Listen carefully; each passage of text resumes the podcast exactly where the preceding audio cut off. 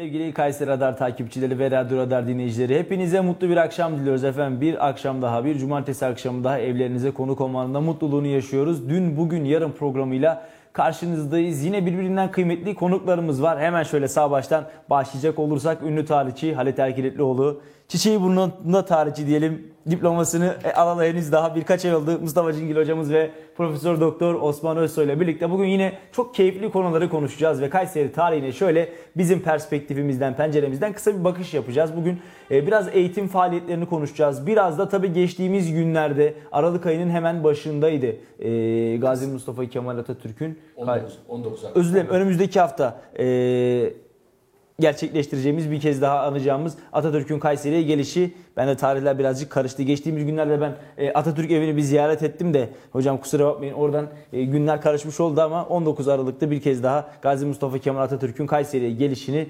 e, anmış ve kutlamış olacağız. Hocam nasılsınız? Teşekkür ederim. Sağ olun.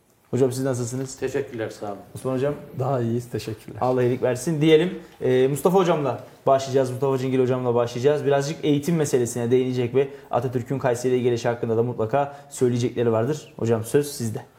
Şimdi ben e, işin eğitim kısmına değineceğim. Atatürk'ün Kayseri'ye gelişini de hocalarıma bırakıyorum. E, eğitimi ben e, kimliğimi itibariyle de e, eğitimin tarihine e, dokunacağım.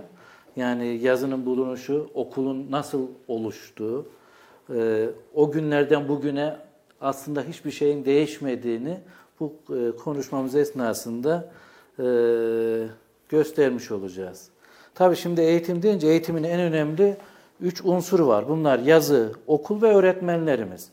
24 Kasım itibariyle öğretmenlerimizin gününü canı gönülden kutladık. Ee, yine kutlarım.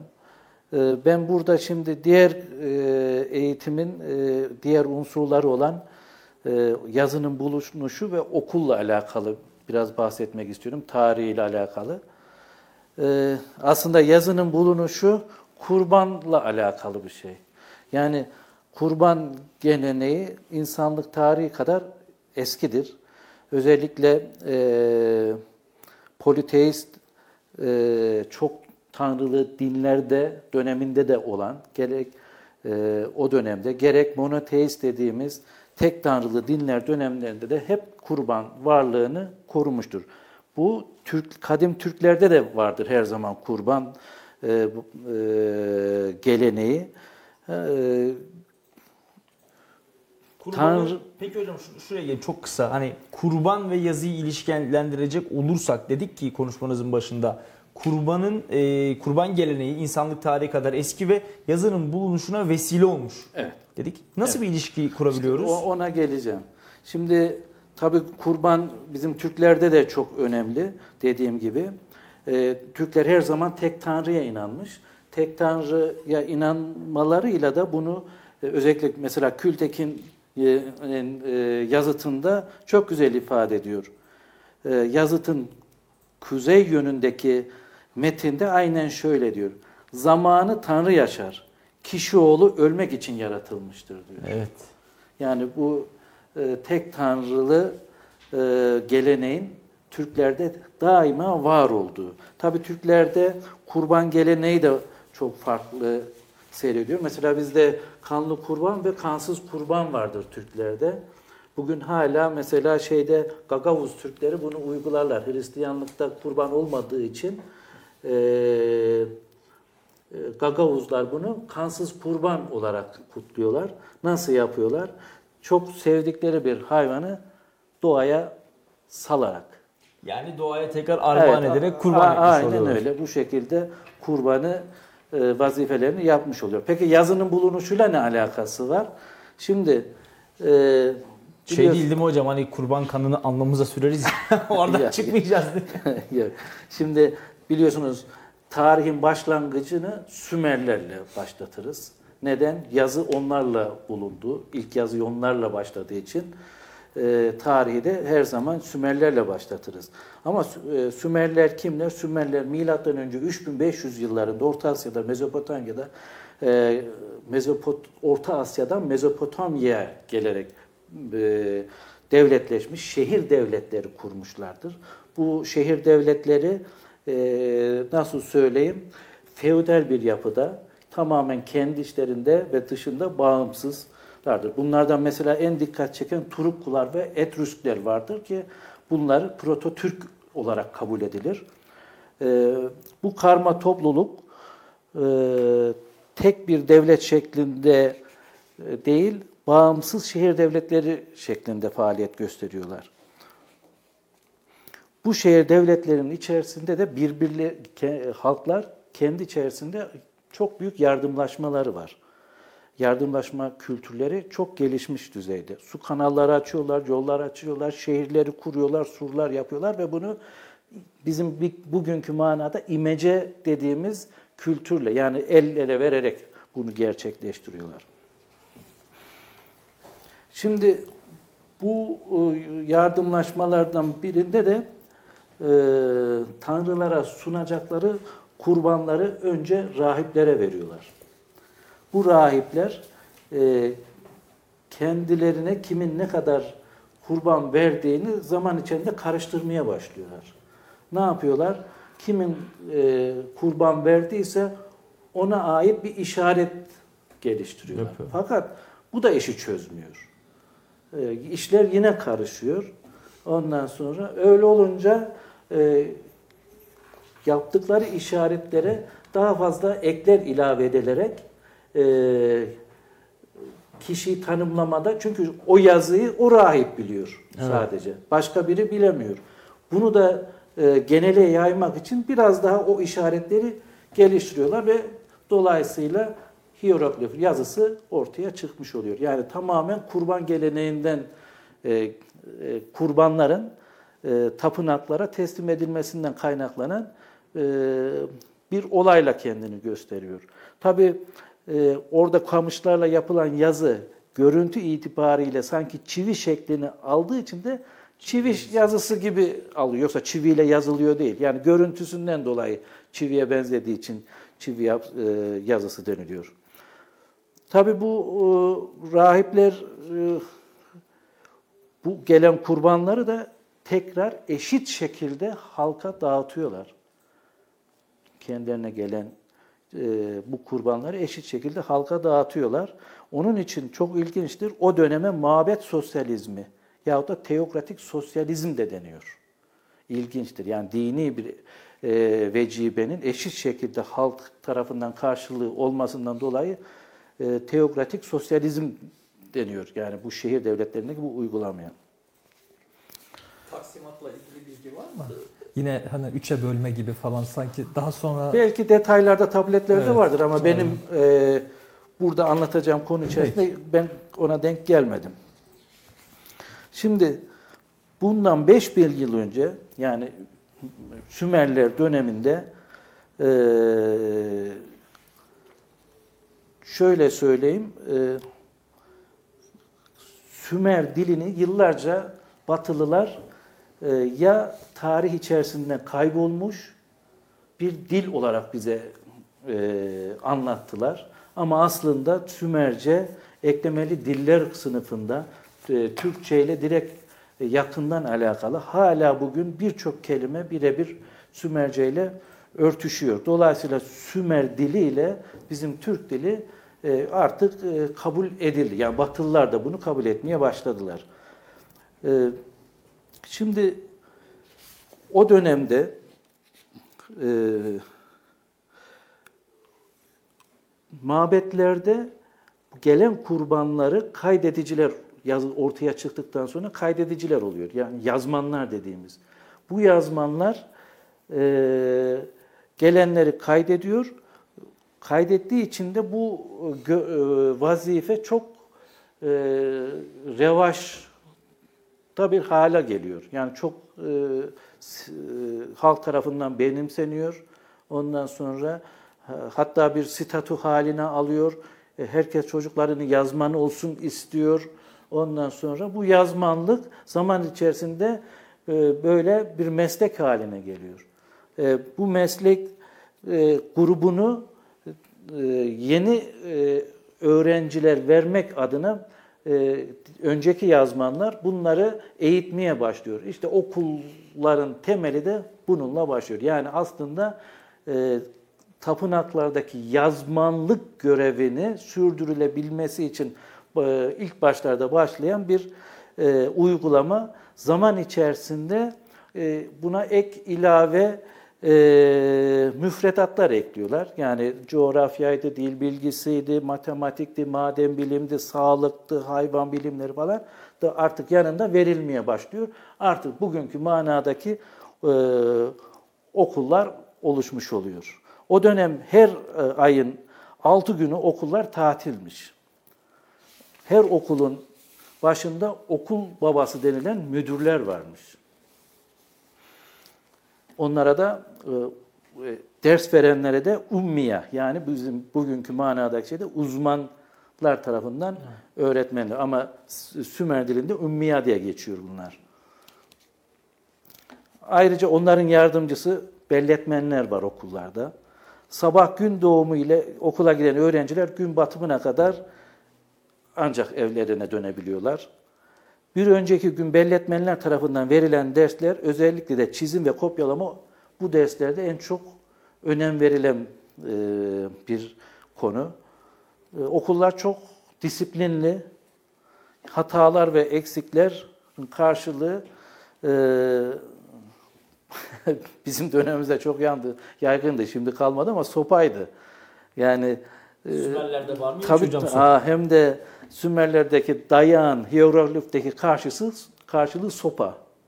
Yani öğretmenlerden kalan şeydir. E, dayak kelimesinin Sümerce karşılığı sopadır yani. Evet. Yani bu da belletmenlerin hediyesi oluyor. Dayak hakikaten cennetten çıkmış galiba hocam. Şimdi tabletlerde çok ilginç Sümerlerden çıkmış. Sümerler'den çıkmış? e, tabletlerde çok ilginç bir şey var. E, e, o dönemi e, deki bir tablette bir, bugünkü bizim manada algıladığımız gibi bir günlük tutulmuş bu tablette. Benim anlatacağım bu tablette.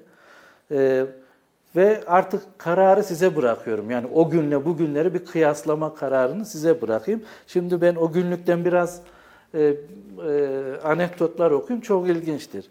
E, tableti yazan kişi şöyle başlıyor.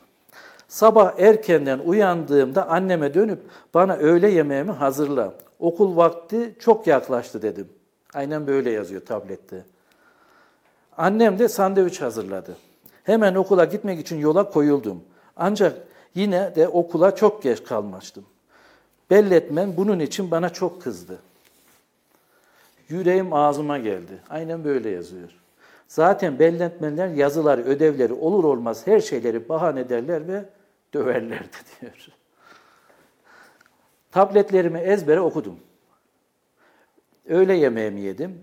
Yeni tabletimi hazırladım, yazdım, bitirdim. Yani okuldaki faaliyetleri ne anlatıyor. Akşam eve gelince ezberlerimi babama okudum. Babamın çok hoşuna gitti. Ancak gündüzki olay babama anlatınca babam hemen öğretmenimi eve davet etti. Gelir gelmez hemen o buna kızan, döven hocayı baş köşeye oturttuk. Armağanlar verdik, ikramlarda bulunduk, içki ve ziyafeti verdik. Bunun üzerine öğretmenimiz oldukça yumuşatı, bana ders hakkında nasihatler verdi. Yani aslında bu ilk torpil diyebiliriz yani. Evet.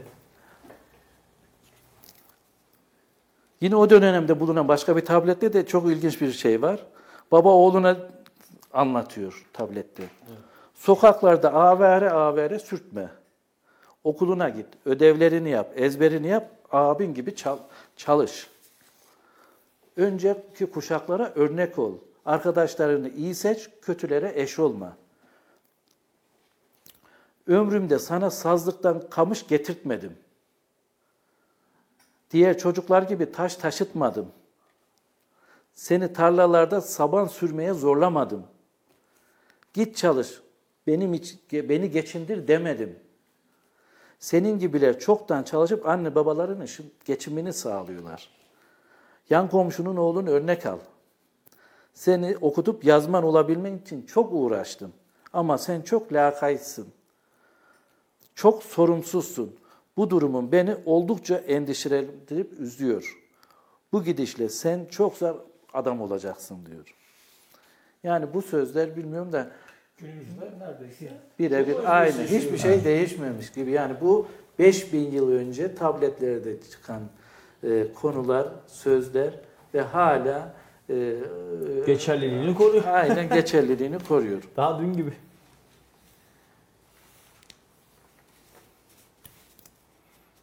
Evet.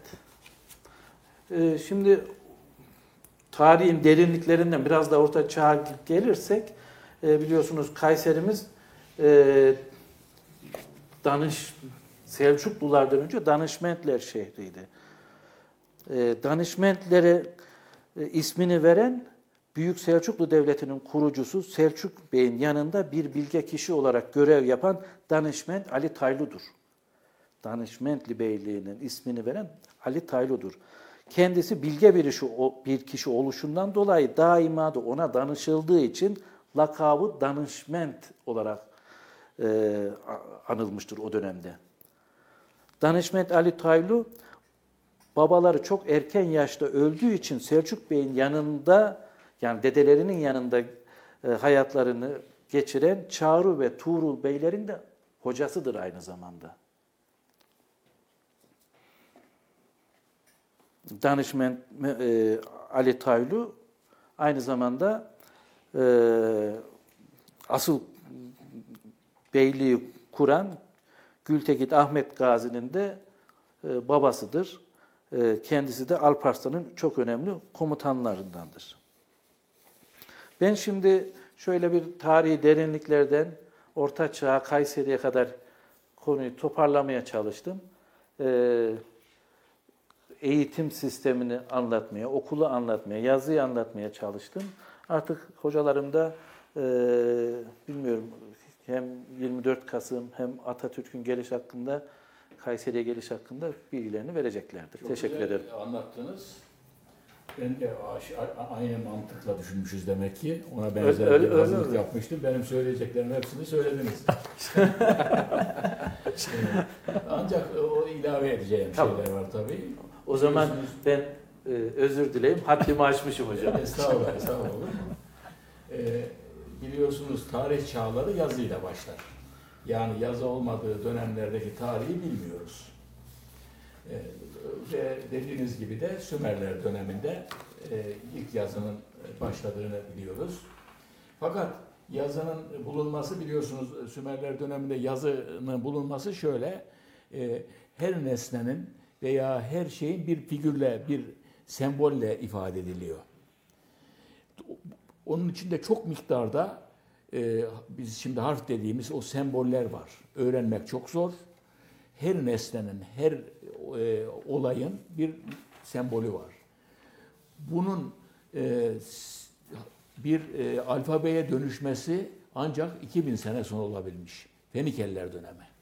Fenikeliler biliyorsunuz bir Akdeniz kavmi. Onlar döneminde onlar bu şeyleri biraz da Fenikeliler Mısır hierogliflerinden etkilenmişler. Mısır hierogliflerinde de 700 tane sembol var. Yani onlar da bütün e, nesneleri e, soyut bir şeylerle e, ifade ediyorlar.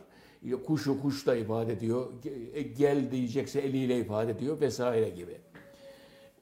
Onlarda da çok miktarda sembol olduğu için bunu Fenikeliler alfabetik sıraya sokmuşlar ilk defa. E, yani ne zaman? E, üç- e, 3500 diyorduk şeye.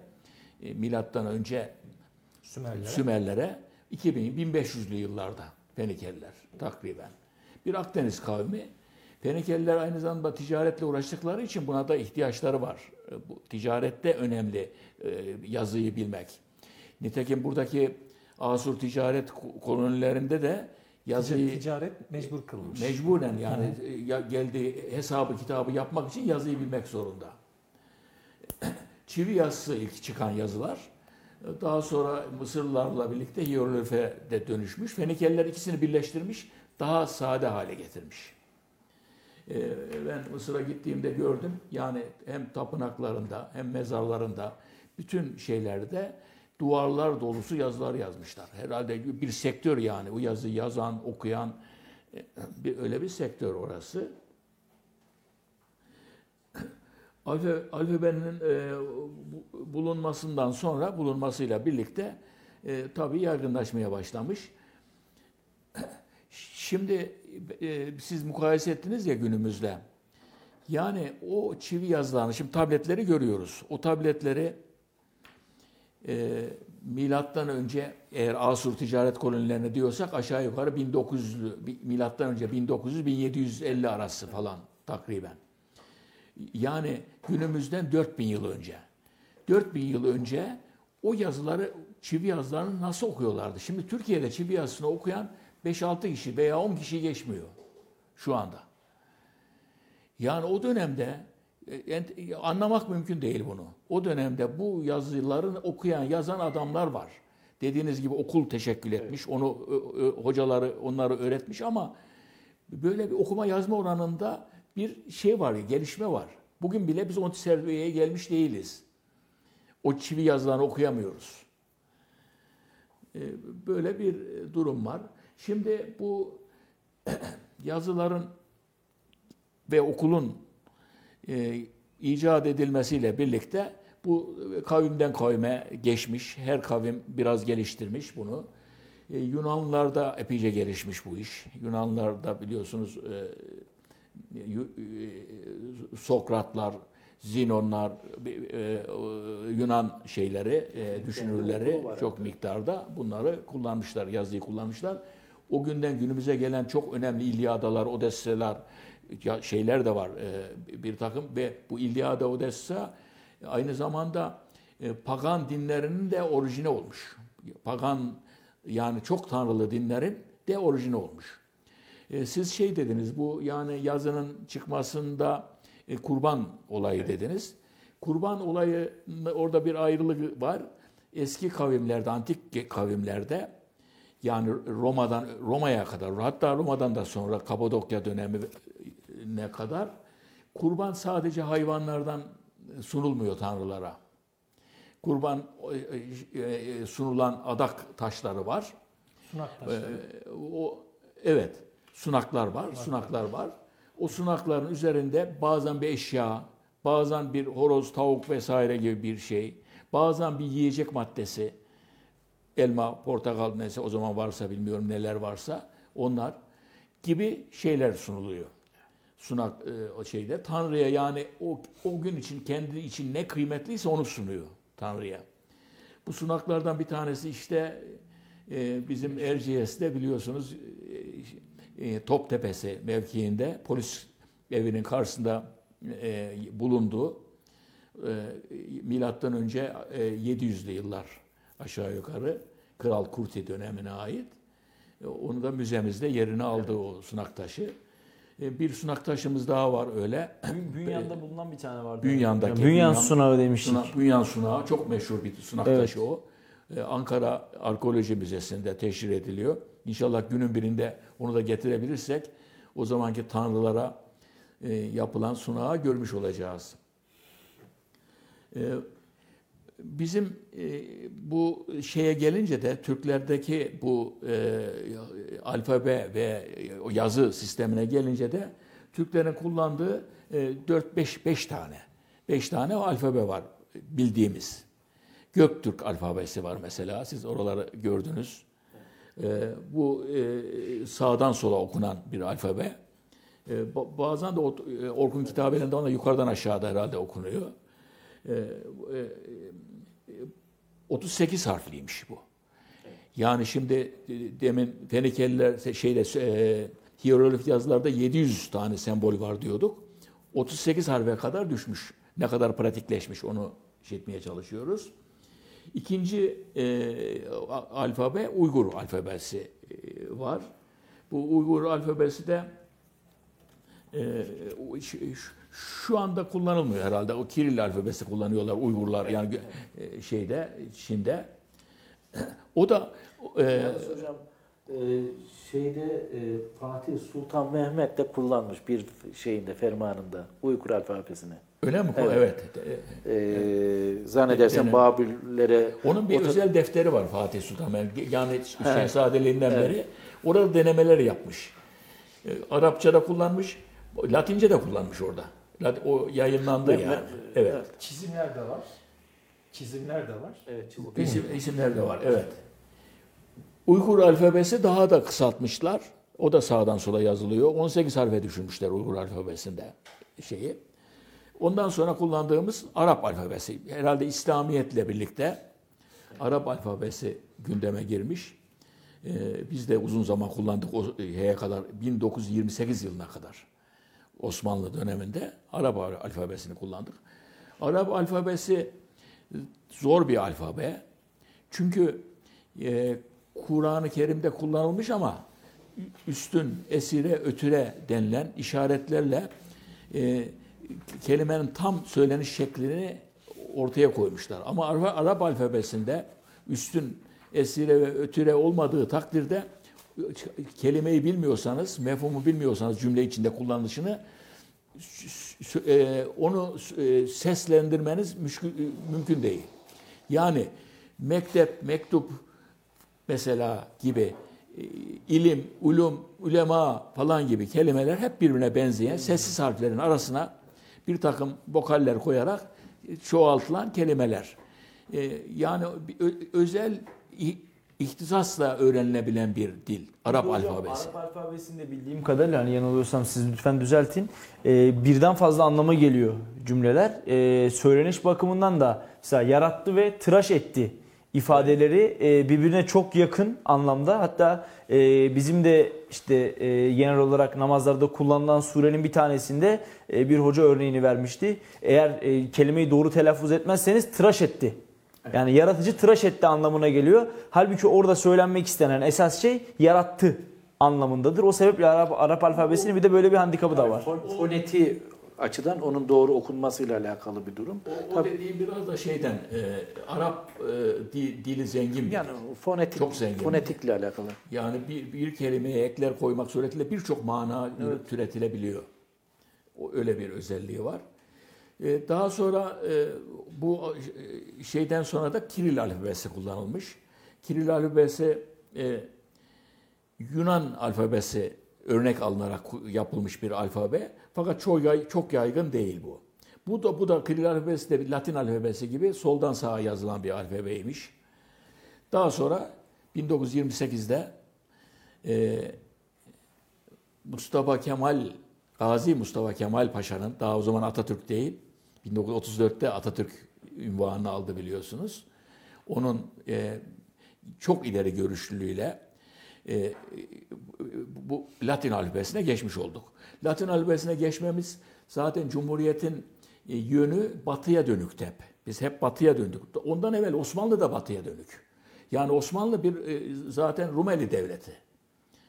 Anadolu eski Türklerden, Selçuklardan falan geldiği için buralarda muhafaza etmiş ama hep Rumeli'ye yü- yüzünü dönmüş. E, Dolayısıyla e, Büyük Atatürk'te batıya dönerek yüzünü Latin alfabesi kolay ilişki kuralım anlamında ve kolay öğrenilen bir şey alfabe e, Latin alfabesini benimsemiş. Bununla ilgili tabii bir takım çevrelerde yorumlar var. Yani e, biz e, Latin alfabesine geçince bir günde Dedemizin mezarını ondan okuyalım. evvelki e, şey kültürümüzü unuttuk, cahil kaldık diye. Evet. Halbuki o dönemde yani 1928'den önce o yıllarda Osmanlı'nın son dönemlerine kadar okuma yazma oranı İstanbul'da bile yüzde 3-5. Okuyan yazan yok zaten. Yani bir gecede cahil Kayseri'de, bırakıldık. Kayseri'de yüzde bir şey. belki birin altında. Hele kadınlarda daha da az. Okuma yazma bilen yok zaten. Evet. Belki Kur'an-ı Kerim'i Kur'an kurslarına falan gitmek suretiyle onu öğreniyorlar Yani ama alakası yok. Kur'an-ı Kerim evet harfler aynı ama Osmanlı alfabesi daha farklı. Yani şimdi şöyle o kadar yazı şekilleri var ki mesela sülüs var, rika var, nesih var, talik var, divani var, siyakat var. Bunların hepsi Osmanlı e, alfabesiyle e, ş- harfleri şekillendirerek oluşturulmuş şeyler. Mesela e, hani hep söyleniyor ya mezar ta- mezar taşını okumak sanat. Osmanlıcayı bilmek de yetmiyor. Yani, Osmanlı zaman da- o zaman da alfabesini sanat. tabii sanat. O Onun zaman için- da sanat, Hocam şimdi ben de şöyle sanat. söyleyeyim. Mesela Sulüs alfabesi kitabelerde Kur'an-ı Kerim'in yazısında kullanılan bir karakter. Divani yazı fermanlarda, beratlarda kullanılan bir yazı. Vakfiyelerde kullanılıyor mesela. Rika günlük yazışmada kullanılan.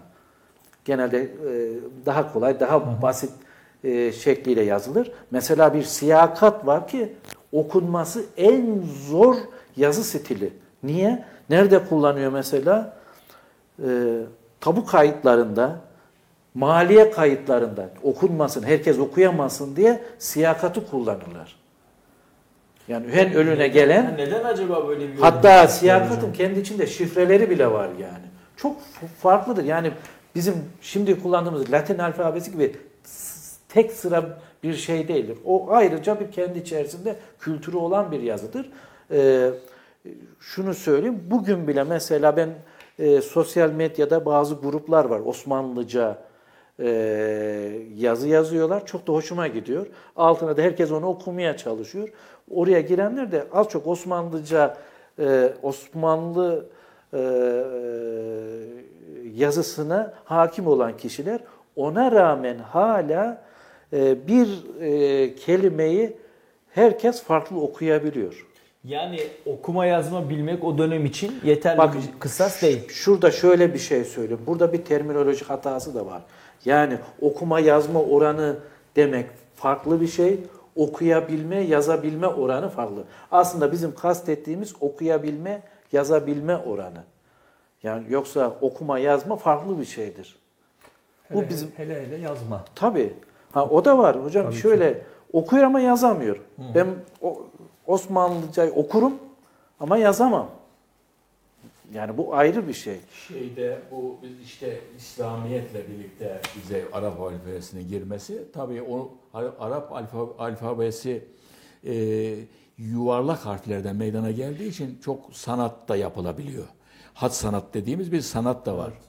E, Dolayısıyla bu yazı çeşitleri o Mustafa Bey'in dediği gibi çokça e, çok kullanılmış. Mesela e, şu anda e, en eski Kayseri'deki örneklerinden birisi olan Cami-i Kebir'in şerefesinin altındaki küfi yazı, Selçukluların kullandığı köşeli yazı daha çok. E, şi- şimdiye kadar kimse okuyamadı, okunamıyor. Drone götürdük oraya. Drone'dan 360 derece fotoğraflarını çektik. E, slaytla şeyini çektik, e, Birleştirdiniz. birleştirdik, açtık, uzmanlara götürdük. Yani E, Yani çok okunamadı. Bir- Allah lillah bazı kelimeler okunuyor ama bir bütünlük, bir ayet mi, bir hadis-i şerif mi olamıyor. Bir türlü çıkarılamıyor. belki de tekrar Yani eden kelimelerdir. Aslı da odur belki Şimdi- bilmiyoruz. Salih Bey'in sorduğu çok önemli, güzel bir soru. Niye böyle çeşitli, okunamayan bir yazılar olmuş diye. O dönemde okuma yazmayı bilenler ihtisas sahipleri. Yani tapuda çalışanlar, devlet dairesinde çalışanlar. Selçuklular döneminde de daha çok İranlılar. O vezirler vesaire okuma yazma bilenler onlar. Muhittin, Pervaneler bilmem işte o dönemdeki ki e, Selçuklu vezirleri. Hepsi İranlı, Acem asıllı. Dolayısıyla onlar da Arap harfleri kullanıyorlar. Sadece o- bunlar kendi aralarında yazdıkları için o kendileri okuyabiliyorlar. Çok e, bu konuda e, e, talim yapmış oluyorlar. Halk bilmiyor. Halka inemiyor. Şimdi o nesiller gidince şimdi tabu kayıtlarını okuyan belki çok sayıda, çok az sayıda insan vardır. Eski o siyakat yazıları okuyabilen. Okunamıyor. Böyle bir şey. Hele üstün etresi yoksa, üzerinde noktası, altında noktası bir şeysi yoksa Tüm sıkıntı. O sesi nasıl vereceğinizi ancak Arapça bilerek öğrenebilirsiniz, Yani söyleyebilirsiniz. Cümlenin önceki cümlenin o cümlenin gelişinden kelimeyi ancak okuyabiliyorsun. Tahminsel bir tabii, formül. tabii. Mesela şeylerde de öyle, sikkelerde de öyle. Hem Selçuklu sikkeleri hem Osmanlı sikkelerinde. e, mesela Selçuklu sikkelerinde divani harfler kullanılmış. Bilmeyen birisi okumaya çalışıyor, asla okuyamıyor. O divani şeyi bilmesi lazım. Divani rakamları bilmesi lazım ki o e, hangi sene yazıldığını okusun onu. E, Osmanlı sikkelerinde de şeyler var. E, e, Onlarda da biliyorsunuz e, şeyler kullanılmış. E, Padişah Tuğra, tuğralar var. tuğraları var. Evet. Tu- Tuğralar da bir nevi yazı. Her padişahın Yani arkada damgası var. padişahın ünvanı ve isimleri yazıyor ama Evet. okuyabilen çok az onu. O zaman şey soralım. Ee, e, şu anda moda olarak araçların camlarında, evlerin üzerinde tuğralar var. Acaba hangi padişaha ait bilmiyoruz. Hatta o tuğraları işte e, Türkiye Cumhuriyeti falan gibi de tuğralar Evet, yapmışlar. öyle. Öyle onları da yazarak yapmışlar. Şimdi Salih Bey siz dediniz ya yani bir gecede e, şey kaldı diye öyle bir şey yok. ben demedim hocam onu söylüyorlar.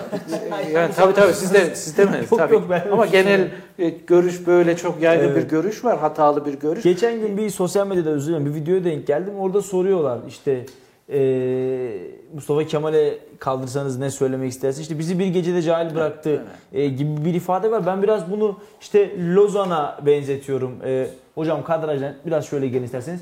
E, ben bunu biraz Lozan'ın şu 2023'te bitecek olan Lozan diye bir şey ortaya yapmışlar diye bir de. Ben biraz ona benzetiyorum hocam. Daha Asla astarı bitmedi ama. bitmedi Lozan devam ediyor. Hani asla astarı olmayan, dayanağı olmayan e, bir ifade gibi yorumluyorum ama Şunu- buna inanan pek çok insan var maalesef. Halka rağmen hiç kimse bir şey yapamaz. Latin harf alfabesine geçilmiş, halk bunu kabul etmiş. Bitti.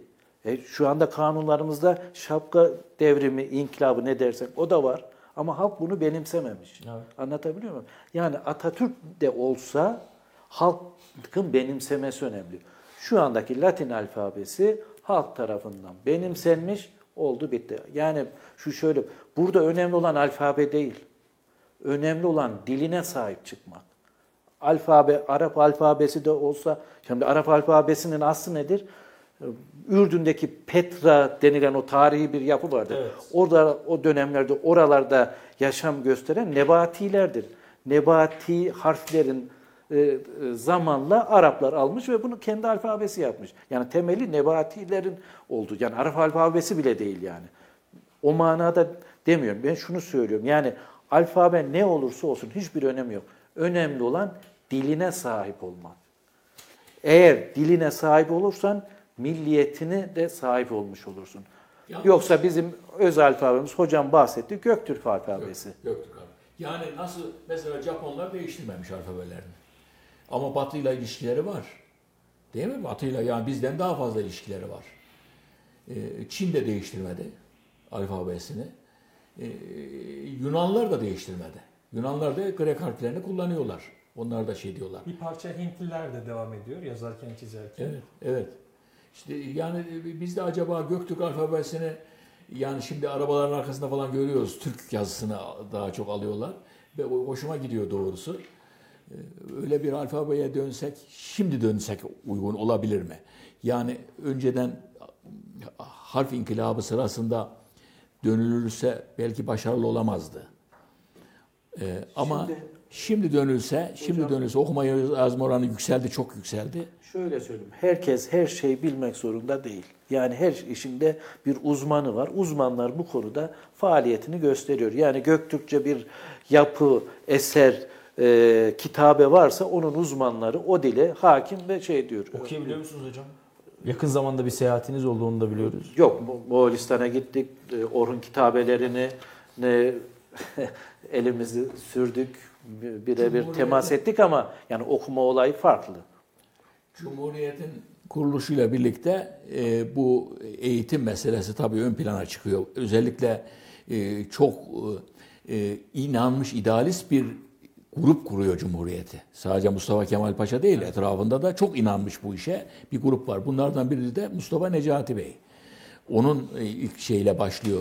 E, isterseniz Mustafa Necati Bey'den ben adını koyayım, arkadaşlarım devam etsinler veya biz devam ederiz. Yani ilk defa işte köy okullarının açılışı, muallim mekteplerinin açılışı, Zincirlere falan da var ya burada Kayserimizde bununla ilgili. Osman Bey'in herhalde Yani söyleyecekleri şöyle- vardır. Ben de bir iki şey söyleyeyim. E, Bu dille ilgili tabii e, çok konuşuluyor. Dil dediğimiz şey e, sadece gramerle ilgili tarafı yok. İşte konuşması var, dinlemesi var, yazması var, okuması var. Yani beş ayak üstüne oturan bir şey. Yani Türkçe de olsa, İngilizce de olsa, Arapça da olsa eğer bu beş ayağa hakim değilseniz o dili bilmiyorsunuz demektir. Veya ben İngilizce biliyorum diyen kişi yani okuyabiliyor mu, yazabiliyor mu, konuşabiliyor mu, dinleyebiliyor mu, gramerine mi hakim? Biz de genelde gramerine hakim olma, İngilizce için konuşuyorum özellikle çok yaygın olduğu için o dili bilmekle özdeş kabul edilir. Halbuki öyle değil. Yani veya tamamen konuşmak da e, o dili çözmüyor. Kaldı ki e, konuştuğumuz başlıklardan mesela adliyenin e, jargonu farklı.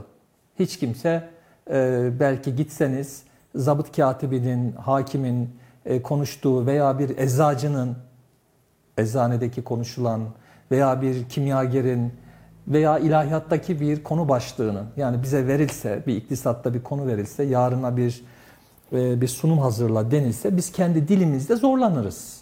Yani çünkü meslek farkı var. Yani kaldı ki bir başka dilde e, bunu anlamaya çalışmak veya orada uzmanlaşmaya çalışmak dediğimiz gibi işte Osmanlıca, Arapça vesaire onlarca farklılık var. İşte okuması, yazması, dinlemesi, grameri, konuşması ya nasıl anlayacağız? Bu bir uzmanlık istiyor sonuçta. O yüzden bence e, insan dil biliyorum diyorsa önce Türkçeyi bilmeli. Temel, temel şey Kendi ana dilini. kendi ana dilini önce iyi bilecek. Daha sonra e, kendi ana dili gibi diğerlerini bilme şansı hiç kimsenin yok. Çok e, uç örnekler hariç yani e, başka bir ülkede doğdunuz, daha sonra işte tekrar geldiniz, gittiniz, özel eğitimler aldınız. Hariçte insanlar sadece dünyada eğer kendi ana dilini bu beş e, ayak üstünde bilebiliyorlarsa o dili biliyorlar demektir. E, işte fiziği, kimyayı, matematiği, ticareti vesaireyi de bu bağlamda devam ettirebiliyorlar. Şöyle bir şey e, ben de şey yapmak istiyorum. E, işte o yazı stilini anlamaya çalışmak veya konu bütünlüğünü e, anlayıp o kelimenin kel mi, gül mü, gel mi? İşte kaf var, lam elif var. İkisini yan yana koyuyorsunuz. Gül de diyebilirsiniz, kel de diyebilirsiniz, gel de diyebilirsiniz. Hangisi hangisi? Konu bütünlüğü olmadan bunun çıkma şansı yok. İşte herhalde e, bu önümüzdeki günlerde bu yapay zekanın bir bütüncül olarak bakması. Yani mesela Google Translator'da biz çok e, yakın zamana kadar kullanıyorduk ama düzeltiyorduk da. Verim alamıyorduk değil mi? Çok verim Şu alamıyorduk. anda %99'a yakın çeviriyi Çevir, çeviriyor. Çünkü bütün dünyadaki altyapıyı vesaireyi kullanarak konu bütünlüğünde mesela demek ki dediğimiz gibi bir kurbanla mı ilgili, gramerle mi ilgili, yani e, jeolojiyle mi ilgili e, onu anladıktan sonra bütün kelimelerin o anlamlarını bulup çıkarıyor. Yani belki bu yapay zeka önümüzdeki günlerde hani bu tez olarak da sosyal bilimcilerin mühendislere vesaireye bilgisayarcılara yaklaşarak ortaklaşa projelerle e, bu çözümlerle bu işler belki daha da kolaylaşacak. Yani cep telefonunuzdan belki okutmakla e, o o tarafa doğru bir- tabanlı uygulamalar var. Var. Yani, Yapabiliyoruz. tabii tabii Var. yani sesli olarak söylüyorsun, sesli olarak hatta kendi sesinden. Senin Evet. kendi sesinden karşıya e, çevirip söylüyor. Hatta bir tık öteye götürmüşler hocam işi. E, bu paralı bir uygulama ama ben sosyal medyada gördüm. İçerik üreticiler için yapılmış. Şimdi mesela ben bir içerik üreticiyim ve bunu Türkçe olarak yapıyorum.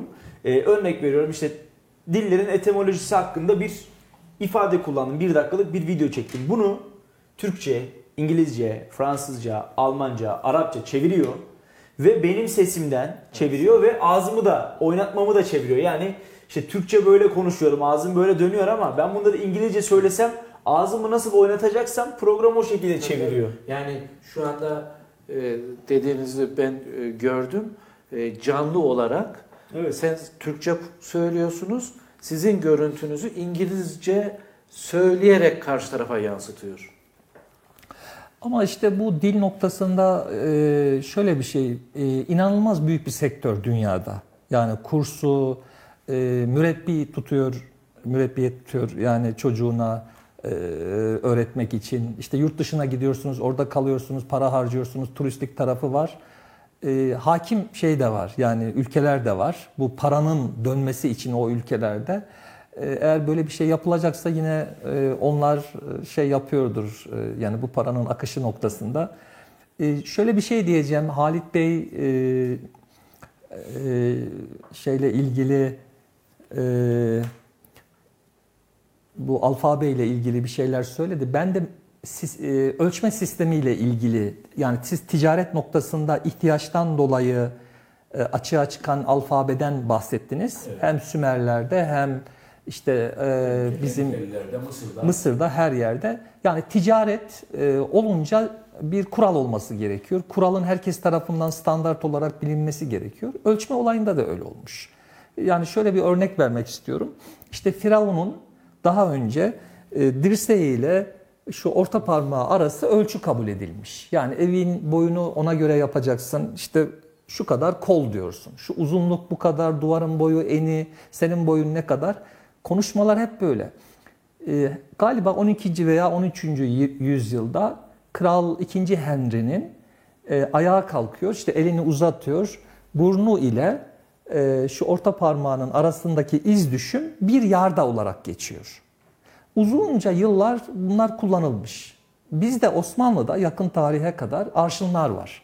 Ama çarşı arşını var, mimar arşını var.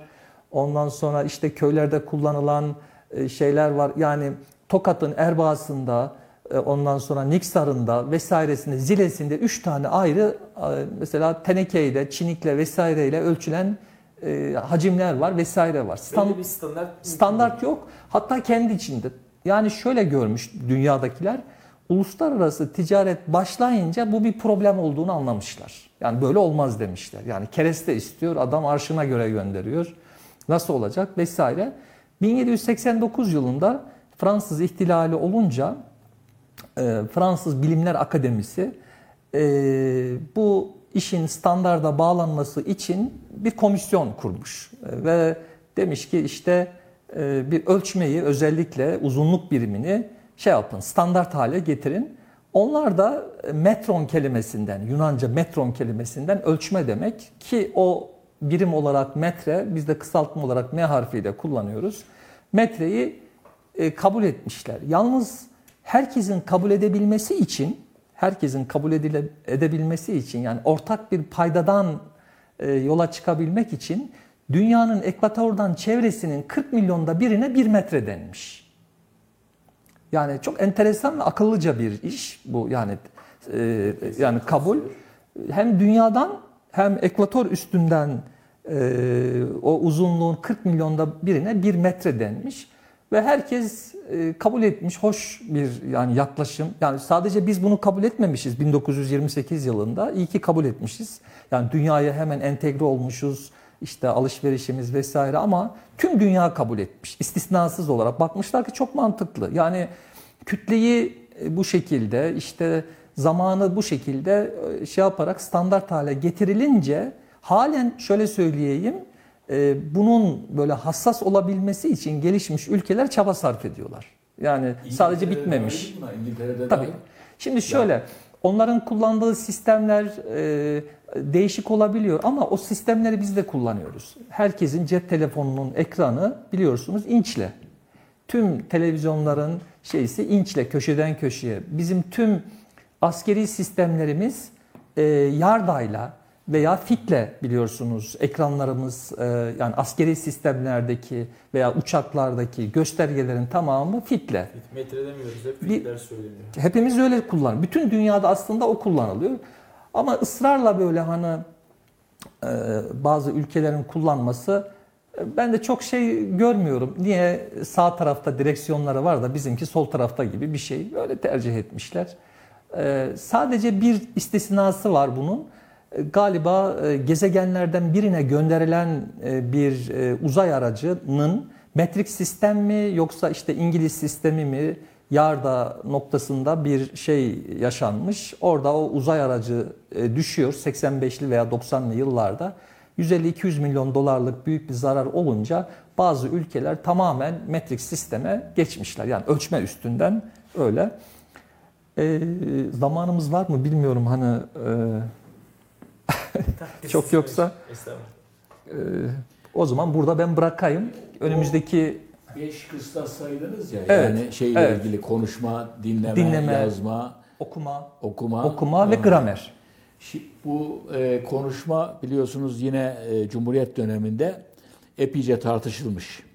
E, ağız farklılıkları var. Kayseri'de farklı, Ankara'da farklı, Erzurum'da farklı, Ağrı'da farklı. Fakat neticede galiba Ziya Gökalp'in yanlış hatırlamıyorsam teklifiyle e, İstanbul hanımlarının konuştuğu lisan yazı dili olarak kabul edilmiş. Ne E, Şimdi e, şeyde bu e, sosyal medyada Ka- Kayserili, Kayseri falan gibi bir takım şey var. Öyle şeyler var, e, siteler var. E, Yani ben onu e, çok hoş karşılamıyorum doğrusu. Bunu bir yerde de yazdım. Çok da tepki aldım. E, Kayseri Kayseri ağzıyla G, K'ları G diyerek vesaire bir farklı bizim konuşma dilimiz var hakikaten. Yani İstanbul hanımlarının konuşma dili Türkçenin esası kabul edildiyse bizim de her mekanda, her yerde bu lisanda konuşmamız gerekir. Dil birliğinin sağlanması çok önemli. Dilde birlik, işte birlik, fikirde birlik. Yani hocam aslında Evet. e, konumuz alfabeydi ama aslında doğrusuna geldik. Alfabenin aslında çok önemi yok. Önemli olan dili yaşatmak. Dili yaş, dilin bilincinde olmak. Yani diline kaybeden milletler bizim mesela Karadeniz üzerindeki Kumanlar, Kıpçaklar, Peçenekler ondan sonra e, ne bileyim e, hepsinin kaybolmasının asıl sebebi dillerini kaybet kaybetmeleri. Zaman içerisinde de Slavlaşmaları. Ama e, dilini kaybetmeyip dinini kaybetse bile milliyetini kaybetmiyor. Gagavuzlar çok güzel Türkçe konuşuyorlar günümüzde. E, Hristiyanlar ama milliyetlerini kaybetmemişler. Sizden bizden daha Türkler. Bu noktada bir şey daha söylemek isterim ben. Yani alfabenin önemini de belirtmek bakımından.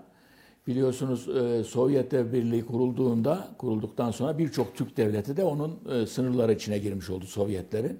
Stalin özellikle 1928'li yıllarda falan bunlar arasındaki birlik beraberliği dağıtmak için bir- birbirleriyle irtibat kuramasın diye alfabelerinde harf değişiklikleri yapmış.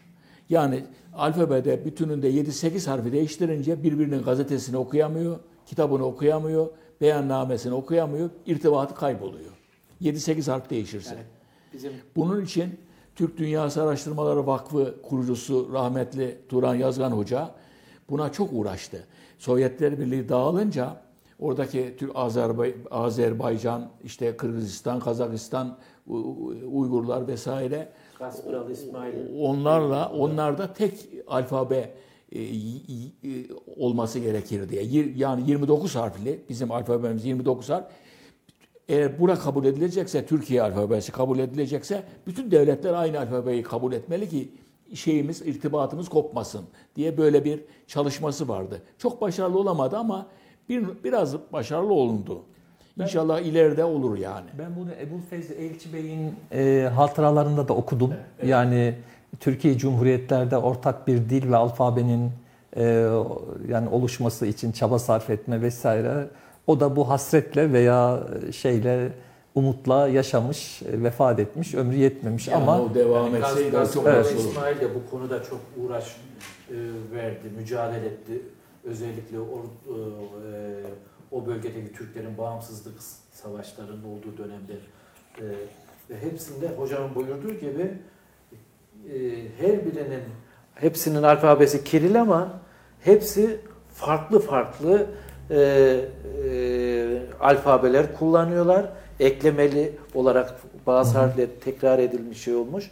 E, birbirlerini hocamın buyurduğu gibi e, metinlerini, kitaplarını, kaynaklarını okuyamaz haldeler. Bugün de öyleler. Hı hı. Yeni yeni e, Latin alfabesine geçiyorlar. Evet.